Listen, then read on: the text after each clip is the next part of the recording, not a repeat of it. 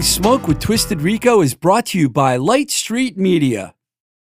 This podcast is supported by Joe's Albums. You know how much I love vinyl and go in the record stores. Well, my favorite stop these days is Joe's Albums. Joe has two fantastic locations the original store at 317 Main Street in Worcester, Massachusetts, and their newer stop out in the hipster college town of Northampton at 5 Market Street.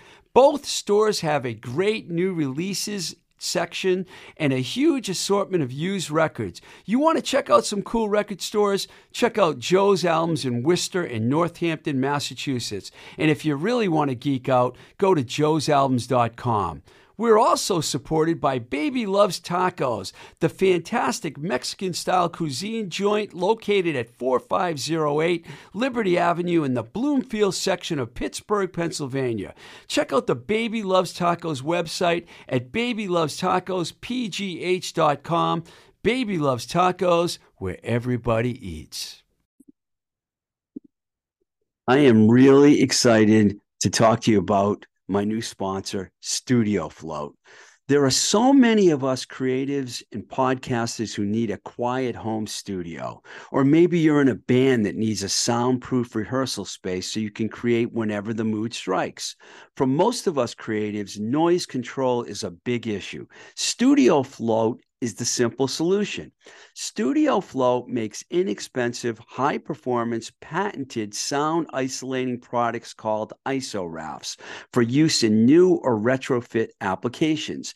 Studio Float ISO rafts completely isolate floors, walls, ceilings, creating a truly floating shell within a shell while preventing sound transfer to and from one space to an adjacent space. Visit studio-float.com for details and assistance with designing your project. Use the code Blowing Smoke 10 in the online order form and you'll get 10% off your order. Studio Float, life is loud, float above the noise. That's studio-float.com.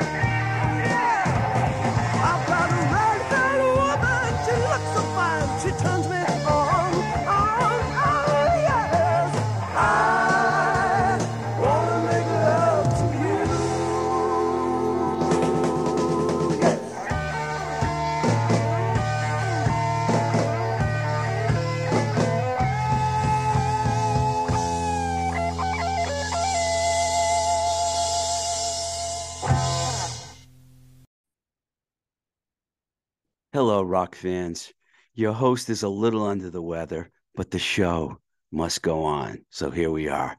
That was Pretty Poison you just heard. Wanna Make Love to You, 1977 unreleased demo.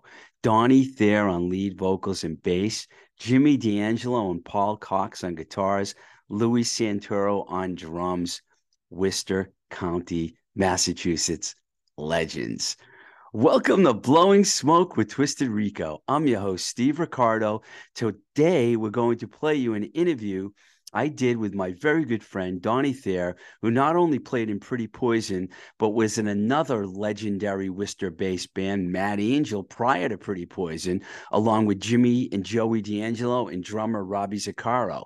Donnie also released a solo record and a single later on and went on to do a lot of background vocal stuff for people like Kenny Loggins and was almost the singer in Montrose. And he talks about Ronnie Montrose, the late, great Ronnie Montrose, in our talk when you decide you want to make it in the music industry, whether it be in front on stage or in the back scenes, you have a tough road ahead of you. Kind of like the ACD song, it's a long way to the top if you want to rock and roll.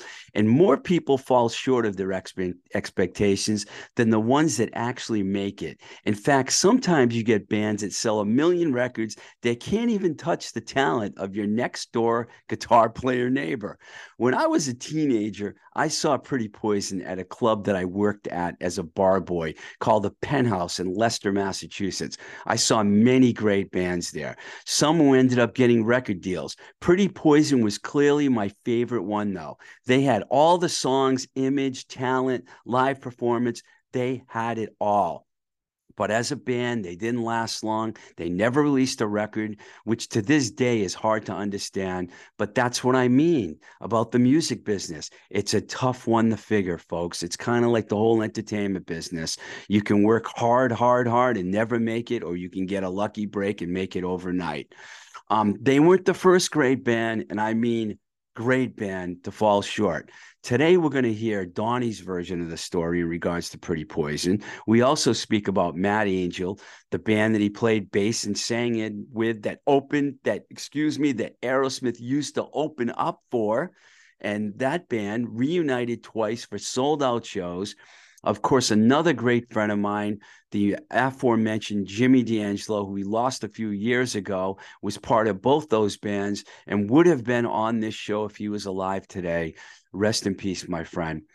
These are the guys that introduced me to rock and roll and gave me the idea that this was the business I wanted to be in. All right. So, right now, I'm going to play you an interview done via Zoom with Donnie Thayer, who joined us from San Antonio, Texas.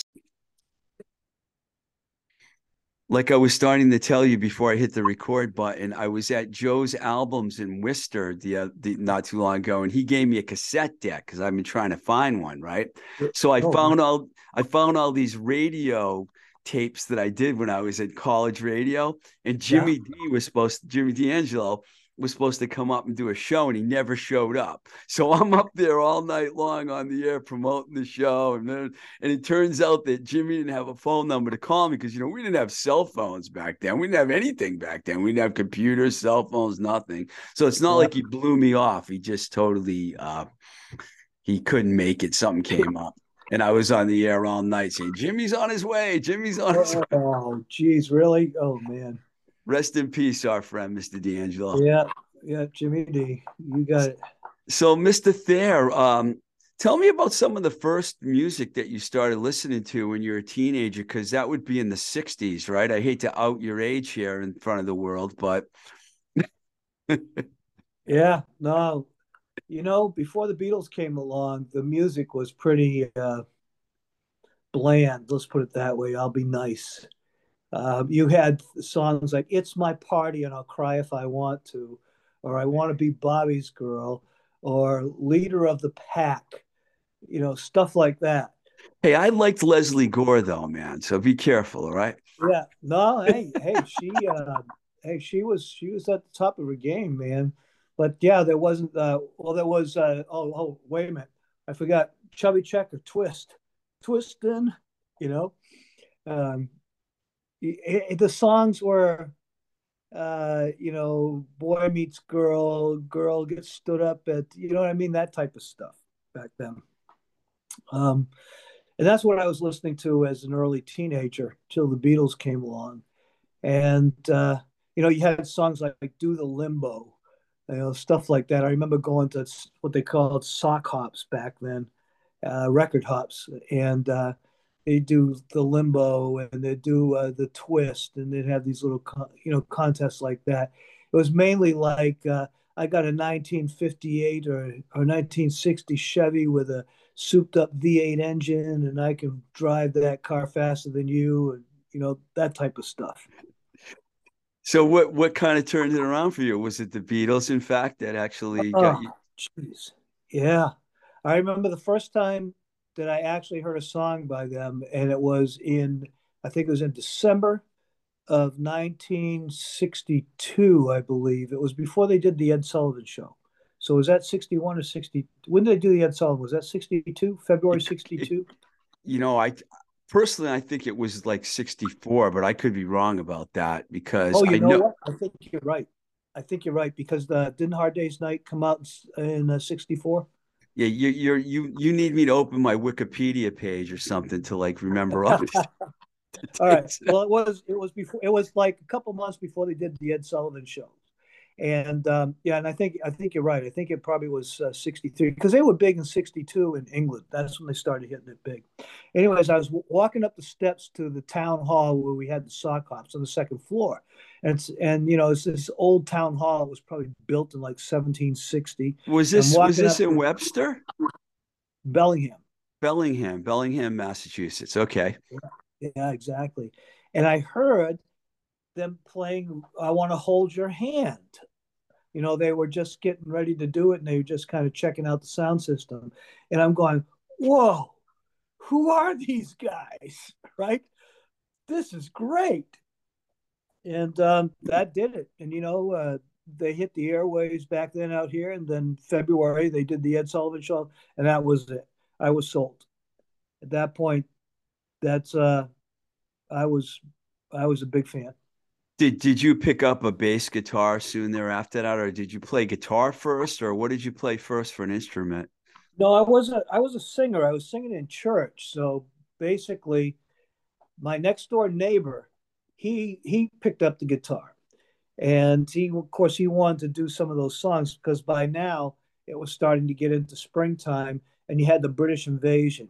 You have the Animals doing uh, "House of the Rising Sun." In fact, I think that might have been the first song they ever learned, and so he needed the singer, right? but he also needed a bass player, right? so he said, "Hey, wait, we'll do like Paul McCartney." He goes, uh, "Your dad's got a acoustic guitar. Let's just uh, put four strings and a pickup on it, and you play bass." Wow, that's how you did it.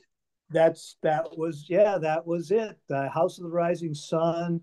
Then I think this boy, I can't remember stuff like that. Started learning, and uh, that's how it started. Do you remember your next door neighbor's name? Uh, Michael De Desjarlis. Michael Desjarlis. Did did he end up uh, playing in bands and stuff, or was that like, no, no? I have no idea what happened to him because here's the thing: the following and that summer, um, we used to do like uh, they call it karaoke now, but we would play. There was another house down the street where um, we would go up in the in the uh, loft in the barn. Uh, the Muellers. It was uh, the name was the Muellers were the people there, and we would uh, you know make believe we were on stage singing all those Beatles songs like Anna and uh, all the things on their first album that came over, and we were just like making believe we were singing them, and then um, I remember uh, with that band with with Michael uh, Jarlis there, we were we were supposed to do a battle of the bands down in uh, another part of Bellingham. I actually strapped. By that time, I went out and bought a cheap tempo bass from Sears, right, at some place like that. I strapped it on the back of the bicycle, and I rode that bike about oh I mean was about seven miles away. Rode that bike to the Battle of the Bands. We played, didn't win, but that was it. And then my parents got divorced, and that following summer, we uh, we moved, and and that's when we moved to Webster. Webster, Massachusetts, where I'm also from. And that's, you know, we didn't get to know each other back then because you were a couple years older than me, but I went to school with your brother, Jim, Jimmy, my good friend. And mm-hmm. uh, so, so that's when you started really getting into more serious bands when you got to Webster, isn't it? Yeah, yeah. Well, I might have gone to play sports, but when I when we moved to Bartlett, you couldn't play football if you were a freshman. You had to be a sophomore grade. So, you know, what I said, I met another kid who played guitar, Michael Faraday, and uh, we started to get together and, and play in bands. And that's when it all started in uh, summer. Let's see, that would have been the six, 1965, the summer of 65, and uh, into the fall there. Do you remember your first band? Well, besides the band from Bellingham, that is. yeah, that was Section 5. Section 5. Uh huh. Yeah. And and I know that you ended up hooking up with the some guys from Oxford. Right, right. Well, that that uh, friend of mine that I hooked up with in Webster, Michael Faraday, he also had some friends in Oxford, and they were also playing guitars and getting into music. And so I remember we went out. We we, I don't know how the hell we even got out there, but we got we got out there, and they lived. Uh, there were two. it was a drummer that lived in one house. That was his name was uh, uh, Gonzalo uh, Pokrapovich. We call him Speedy, Speedy, Speedy Gonzalez. Of course, you did. then his next door neighbor um, played guitar, and then now this is the funny thing. So that summer, we started jamming together, and then there was another musician, and you know, kids were picking up. You know, that day, and you know, you talk to anybody from that period everybody wanted to pick up a guitar and, and play and be like the Beatles or the Rolling Stones or right. the Animals, all those guys. And so this is, I remember we walked up the street, and I think it was on a Saturday from those other guys there, Speedy's house, and we met Paul Tringic or Paul Cox, as he's right. known professionally. And that's when we formed Section Five with Speedy as the drummer, me as the bass player, Paul as the guitar player, well, he met another kid from that same neighborhood, Michael Goff, and he was the rhythm guitar player. And that was section five. And we we were getting into writing original songs, and we actually recorded our first record. I think I was 16, 17 years old, and uh, you know, got it played on the local station on in Worcester. And Jimmy was already doing that with a band he had called The End. Jimmy D'Angelo. Yeah. Yeah. So was there an actual 45 of section five? Because I never saw that. Yeah, I have. I have it. Never oh. played it. Well, and here's the funny thing, Rico. Um, I didn't have a copy of that record, right? Uh, up until maybe 10 years ago. And uh, but my sister had one, but it was couldn't play it. It was all tore up, toward you could you know, it was no good, right? But it was there. and uh what the heck happened? Oh, oh boy, you ready for a story here? That's why we're here. We like the rock and roll stories, Donald. Donald. I never is, called you that before. Technology. So basically that's that song, you know, never made it past Worcester, right? Never made it out of it was played at Worcester and we got some local fame out of the whole thing, but not much. And uh anyways, fast forward to probably year 2010, right around there, about 10, 12, 13 years ago. And uh, I was working with this young kid at my work, and uh, he he found out that I had a background in music, and he came to me one day and he said, "Hey, is this you?" Because he went on the internet, right? Yeah. And there was a song called "Pusher's Route," which was a song I wrote on that single was the B side of that single. And I said, wow, I wonder if this is the same song, right? And so he he played it And I'm going, holy crap, where'd you find this? right? He found it on the internet, and it was a. And then uh, there's another story behind this here. I thought it was a record. I thought I could buy it. Right?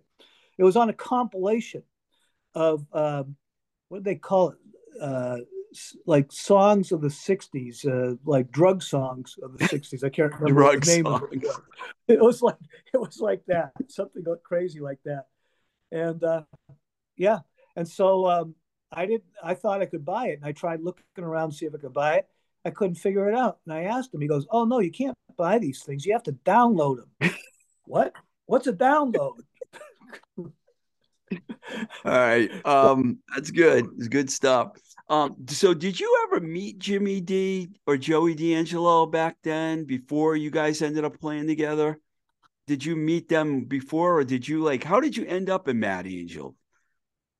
um, through through Jimmy D, and it was because we we played a lot locally at different things. So I hadn't really met him personally or any of uh, any of them, but we knew of each other because we played all the same places, you know, like that. They were the house band at the comic strip, so they were like quote the the band. They were like the big band during that day. They were We were- playing with all the any of the famous bands that came to town.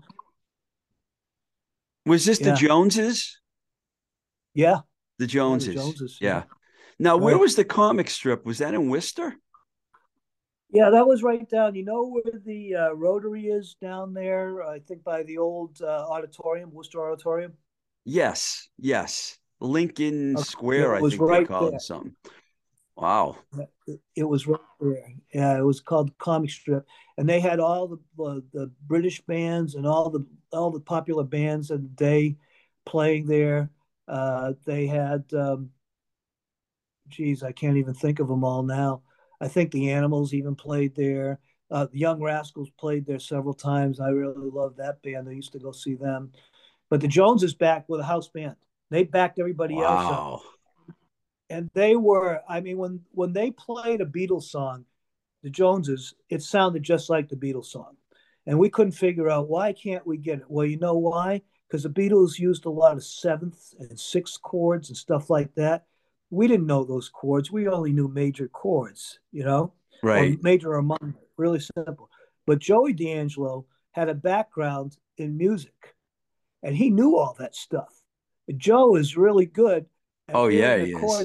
oh that's a that's a b major seventh with a with an a but you know overtone you know what i mean I believe it or not, I took guitar lessons from Joey D'Angelo when I was in college uh, in the late 70s, and he was the best. You could walk in there with a tape.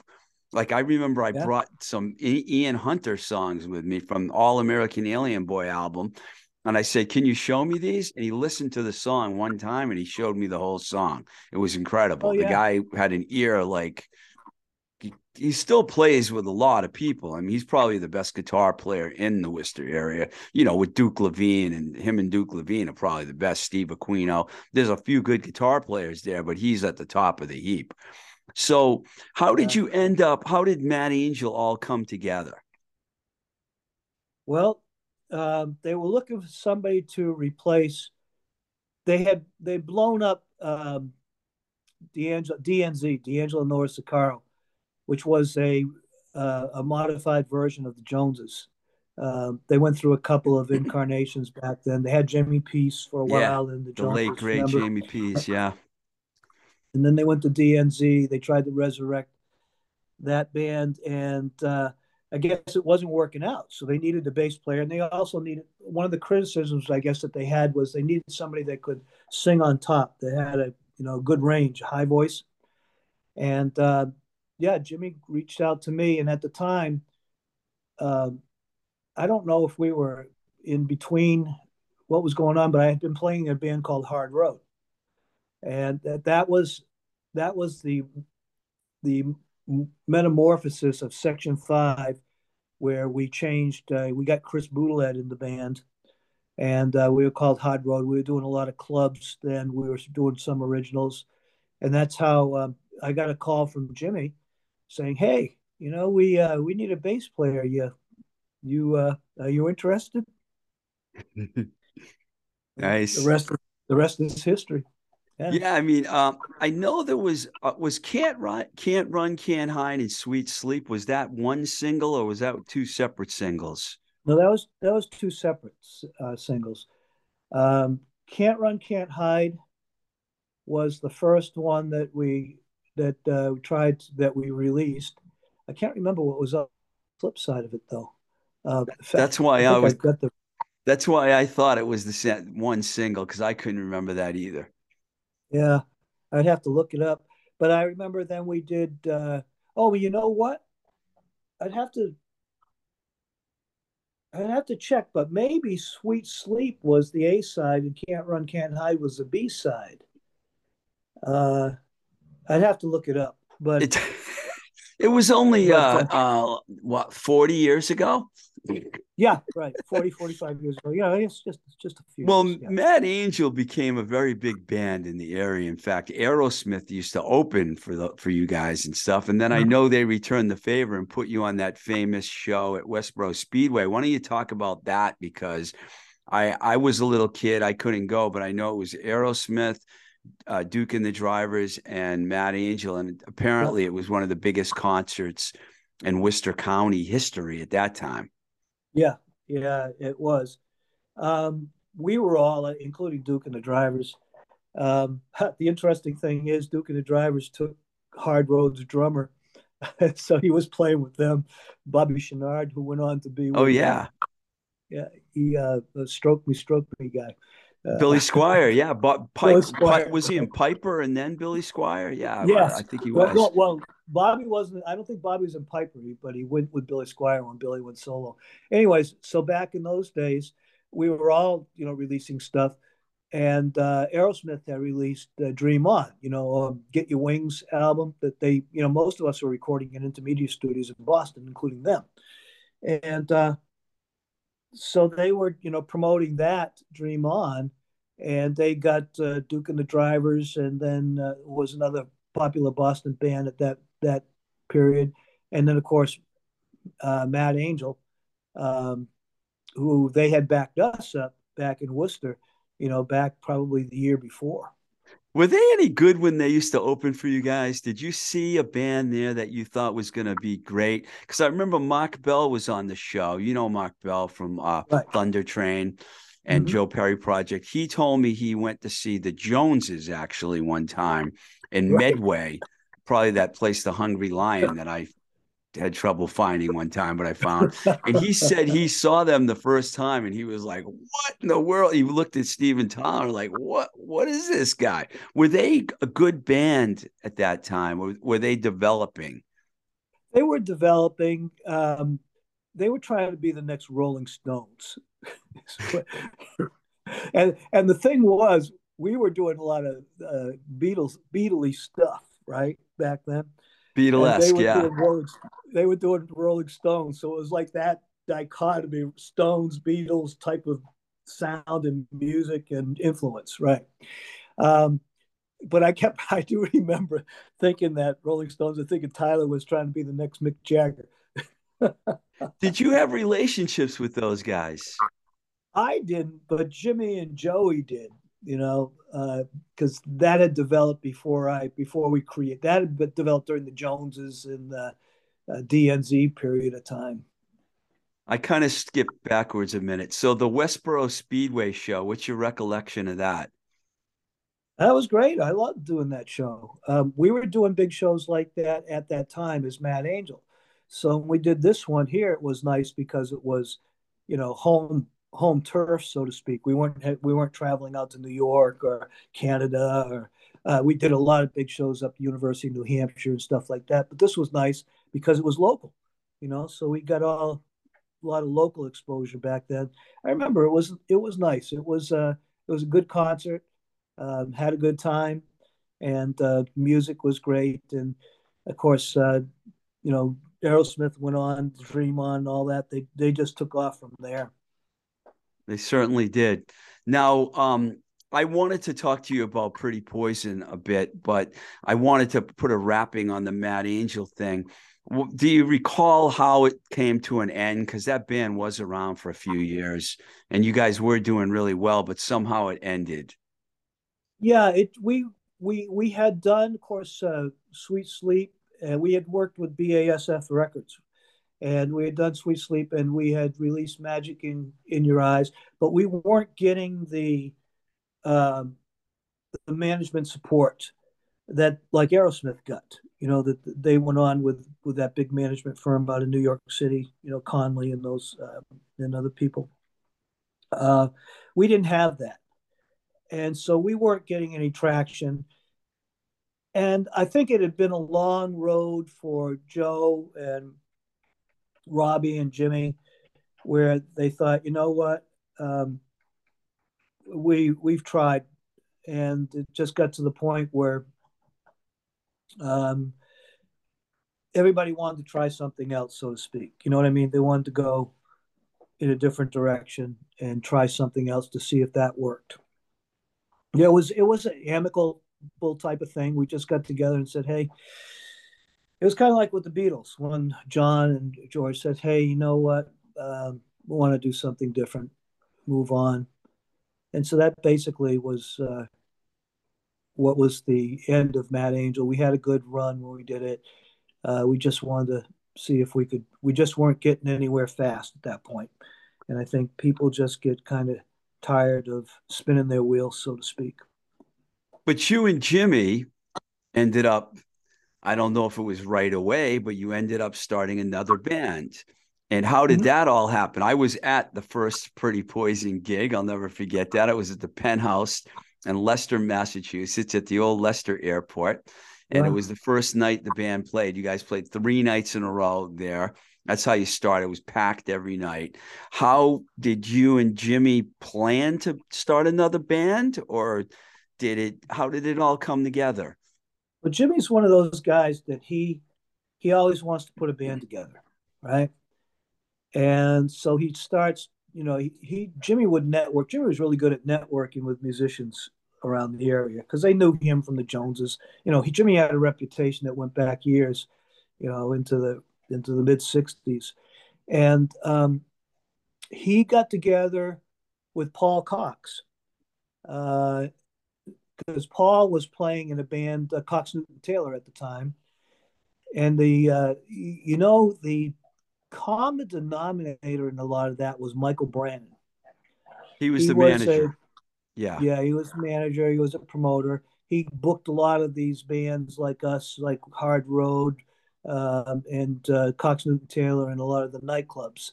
And, you know, he formed a relationship with Jimmy. And um, I think that's, I'd have to ask Paul that, but from what I understand, uh, Jimmy contacted Paul and I think Dave Amato a couple of guys from Ice, which was Dave Amato, who went, you know, Dave went on to bigger, bigger things. Still REO Speedwagon, yeah, REO Speedwagon right now, and Louis Santoro, and so he put that band together. Now then, uh, from what I remember, uh, Dave took off to go to California to pursue some other things that had come up for him, and they needed somebody that could sing, you know, in that range, and they needed bass player. And and from what I understand, when Dave was in the band, they took turns playing bass, Paul and Dave, in terms of uh, depending on songs and, and everything. So at that point, um, Jimmy called me up and says, Hey, Donnie, you want to, you know, uh, come try, we're doing this thing, you know, and I got introduced to Louis. And of course, I knew Paul. So that was like a reunion for me, me and Paul. And uh, Pretty Poison was formed. And geez, I'll tell you, the uh, chemistry was really good between Paul, Jimmy, me, and Louis, and uh, especially Paul and Jimmy because they they were on the same page, so to speak, in terms of their style of playing. Joe is great, as you know. Joe is really good. Uh, he's got some jazz influence there. He's got a lot of those more jazz-oriented, more progressive. I call it progressive mm-hmm. guitar play, kind of like, kind of like Steve Howe in uh, Yes. Yeah. Um, I remember. And so Joe was more on that track. He he liked that. That was more of a challenge for him. Where Jimmy and Paul were both pop oriented. You know, obviously, you know, Jimmy's playing style of playing. Paul's style of playing was a lot like um, uh, Brian May of Queen, and uh, I thought you were going to say. I. I, I thought you were going to say Steve Marriott for a minute because I always he he liked. I know he liked Steve Marriott and Humble Pie. Yes. You guys covered a Yeah. Humble Pie song. I remember that. yeah, about thirty days in the hole. Yep. But the the Yeah. image of the band was a really well crafted image, and I'll probably use a photo, the the actual promo photo, to promote this podcast because to me it's like a perfect photo. I don't know who came up with that idea, the couch photo I'm talking about, but it's fantastic. Do you remember that whole photo shoot? I think you Oh, might yeah. have told me it was in New York. Yeah, we we did that photo shoot down in New York. Yeah, I think Paul and Jimmy, I think, got into the you know they like putting the boas on all that sort of stuff. It was a glam look. stuff. You guys were glam. Yeah. Right. Yeah, it was. Yeah, it was a glam, glam look back then. Satin pants, velvet pants, you know, the open shirts, uh, all that sort of stuff. Yeah. And I liked how all you guys sang in that band. The three front guys all sang their own songs and everything, and you cut through a couple of cool covers in, you know. And uh, the the band never made an album though, which is a mystery to me. Why do you think that never happened? Good question. I think we we started well. We did some recordings. In fact, I think you've got some Yes, I uh, do. that we did. We just never put anything together, put it out. Um, I think a lot of it had to do with our with management. You know, if you don't have that, that was the difference. The way I see it, looking back in hindsight, and if I have any lessons to tell any musicians going forward, is is you got to have the management, and that is a big deal. That was the difference between us and Aerosmith. They started out. In fact, we thought they were crazy. They were given their manager the. Uh, I don't have anything to confirm this, but the story was they were splitting 50-50 with him. We thought that was crazy. You know, give any more than 10, 15% to your manager, that's plenty. They were going, but but their management uh, company at the time, and I forgot the guy's name. Um, I want to say it was Conley, John Conley. Uh, I mean, he was he was pushing them, promoting them. In fact, uh, and then he got them signed with um, the management company that they've even they even went back to uh, back when they uh, got Was it Tim Collins again. and Barrasso and Yes. Collins? Yeah, Yeah. that's it. That's him. Yeah, out of New York, and uh, that was it.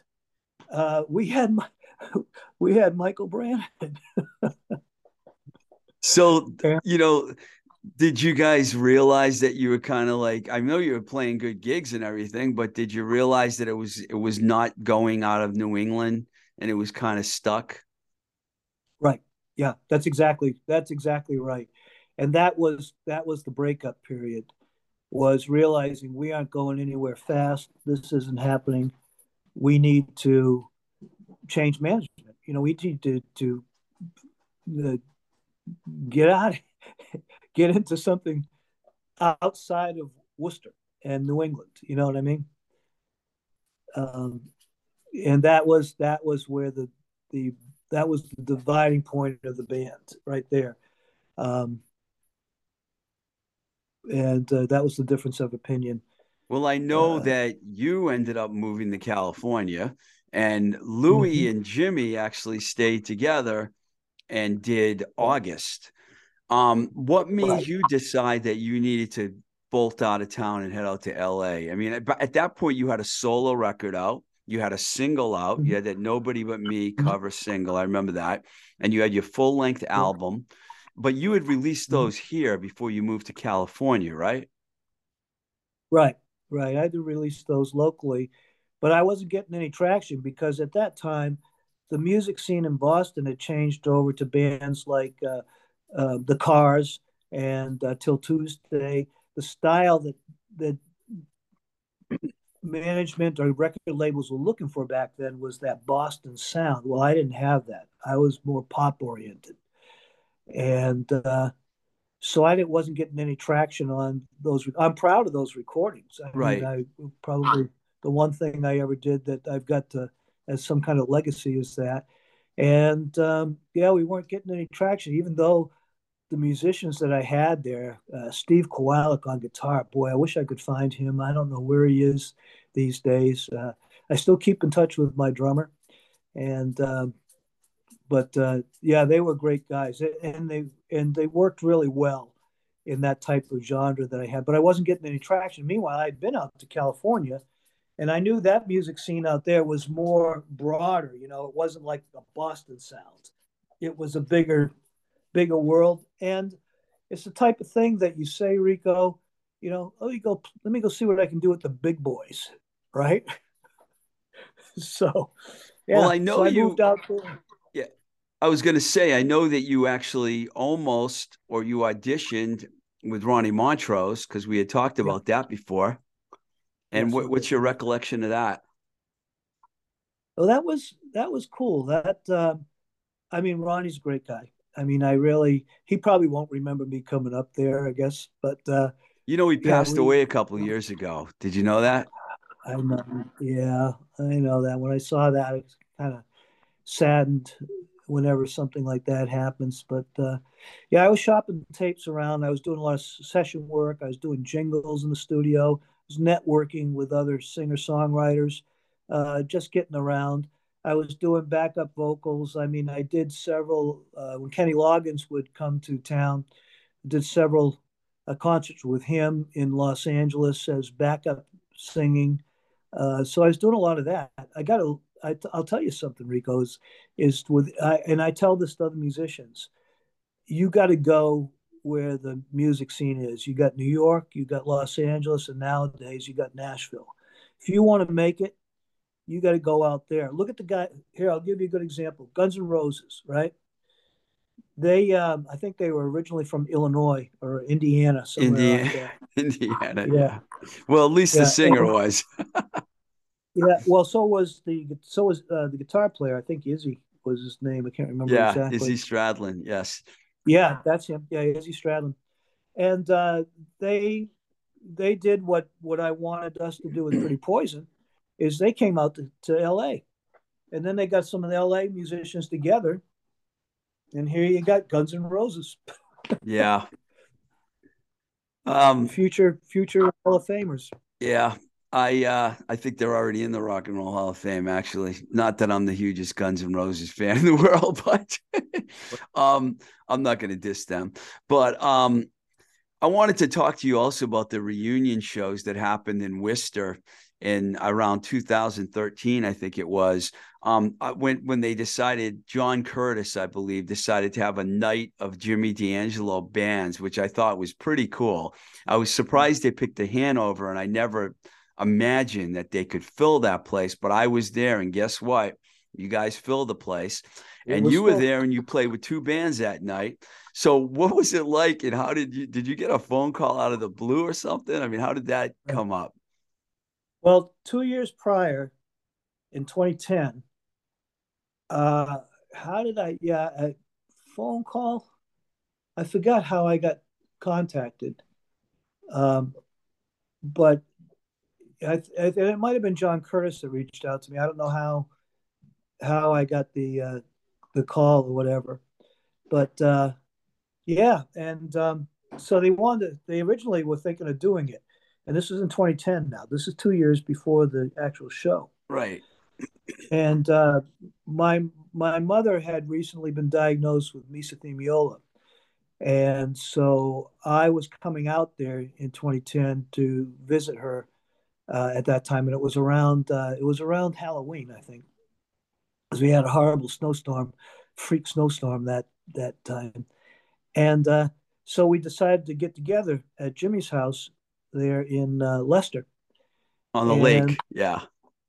and uh, so uh, yeah, so we all got, got together there. We we got together in the, like early afternoon, and it was like so uh, so good to be together and talking and sharing stories and and music and everything else. Before we knew it, a snowstorm had started, and it was we were plow, plowed in. By the time we walked outside, going, "Holy crap! What happened out here?" Was this just Mad Angel at that time? Yeah, it was just the Mad Angel guys. Yeah.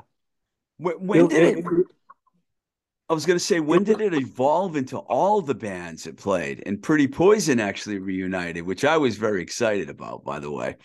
Well, I think when when John Curtis realized that you know we could do this, pull get Mad Angel together and do it, um, I think it kind of evolved out of that, and uh,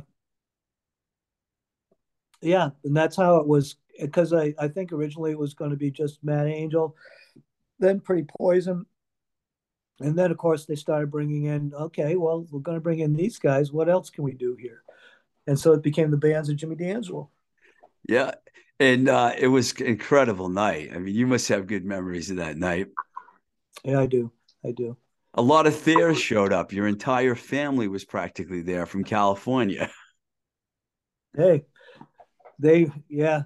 I mean, years have gone by now. Uh, they had had their own kids, and their own kids had heard stories about this. So it's like, oh, we'll go see Uncle Donnie. we heard stories about him. and I think I thought all the bands were really good that night. I mean, I for me, you know, everyone was, you know, was looking forward to the the headliner, which was Mad Angel, but I really enjoyed Pretty Poison. Um, August was kind of sad because Jamie Pease was such an important part of that band. So for him not to be there kind of left a little bit of a void. But John Butcher and Charlie Farren both sat in with those guys, Dave and Jimmy, and they kind of filled it in for him. Um, yeah. But it was still difficult without Jamie. Other than that, I thought the night was like just fantastic. Yeah, and I, I really liked that they paid tri- they paid a nice tribute to Jamie. Also, that was special. Yeah, did you know Jamie very well?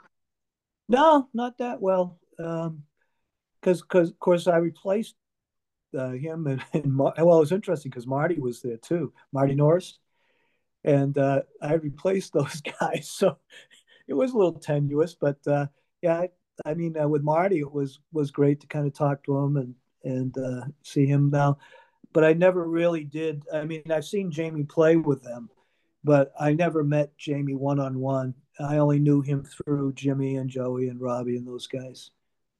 Of course, we lost Jimmy D'Angelo a few years ago. Before I let you go, I was hoping you'd say a few words about Jimmy because I know you guys knew each other for since you were kids, oh. really. Yeah. You know what? Jimmy was Jimmy was great. He was a great songwriter, great guitar player, great person.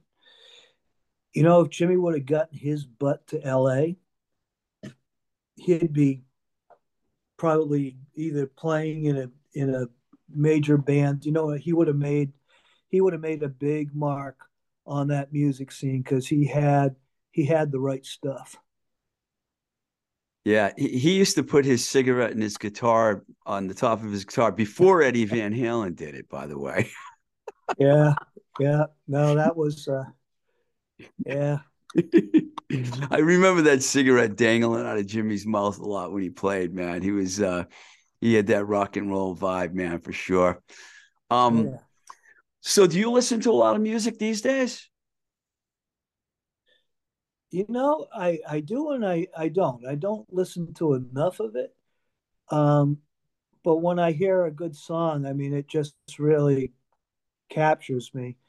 Uh, you know, I got you know Edge, you know Ed Sheeran, guys like throwback guys I really like. Uh, I like a lot of blues stuff. Um, you know, I'm back from those 60s era type of things. And whenever I hear some of that influence coming through in the music, it really, I really like that. I really like, I always love a great singer. Um, yeah, I remember a long time ago you told me that Joni Mitchell was one of your favorite singers, and she mm-hmm. wasn't really well. She's rock, but not really heavy rock or anything, you know. But she wrote some great songs. Uh, she's got such a way with lyrics. It, it's her lyrics and her and her vocal style. I mean, nobody yeah. had a vocal style like her. She's a great singer, great songwriter. Yeah. Cool. Well, hey, man, thanks a lot, man, for taking the time to talk to me about all this stuff. I know I had to jangle your your memory a little bit with some of this, but you you you you got all you got it all. I appreciate it, man. Oh, thanks, Rick. Appreciate you, man. You you keeping us all all uh, memories all alive here. Trying to keep the rock and roll alive. hey, got to do it. There's not many of us left now these days. They're uh, just getting to that point, you know. Thanks, Donnie. All right, man. I'll catch up with you later.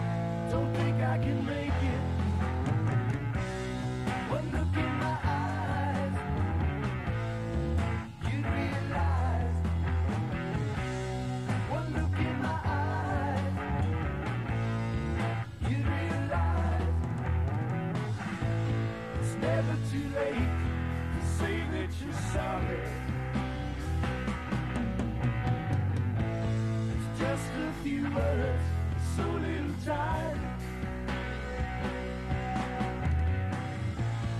Don't let it go. I don't want to waste it. Fighting my tears. I don't want to cry. I don't want to cry. One look in my eyes.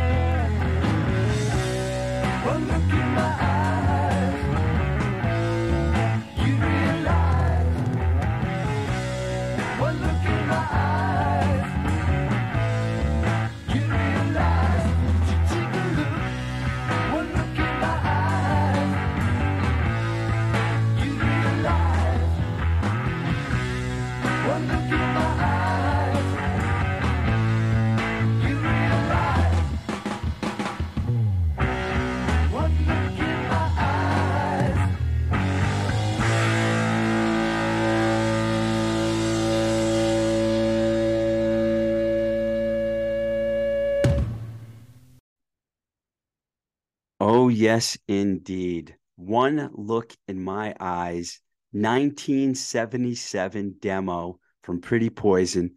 Very rare and very hard to find. But we got the connections here. We certainly do.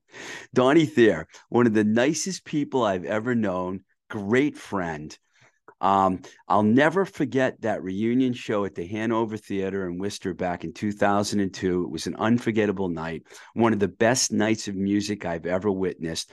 All of the bands that Jimmy D'Angelo played with reunited for one night Mad Angel, Pretty Poison, DNZ, August, Code Blue slash Deep Six.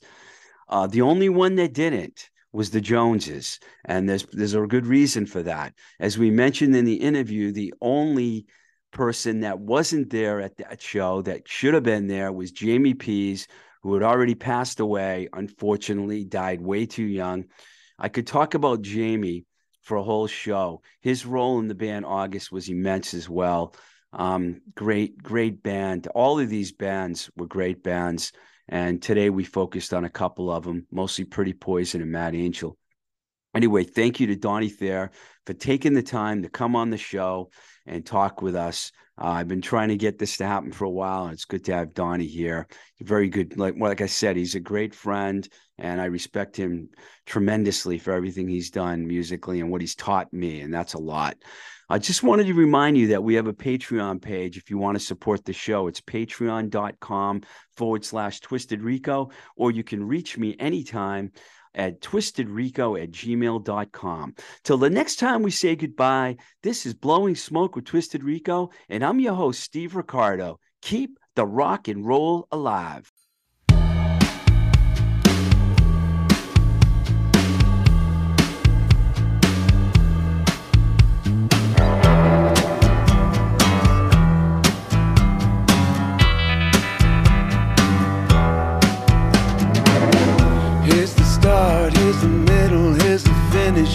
End. Goes the mother, goes the father, goes the wife, stays the friend. Got a bunch of cigarette burns in the back of my head. Bunch of cigarette burns in the words I've said. If I die tonight, hold the hand inside and know that I was never meant for no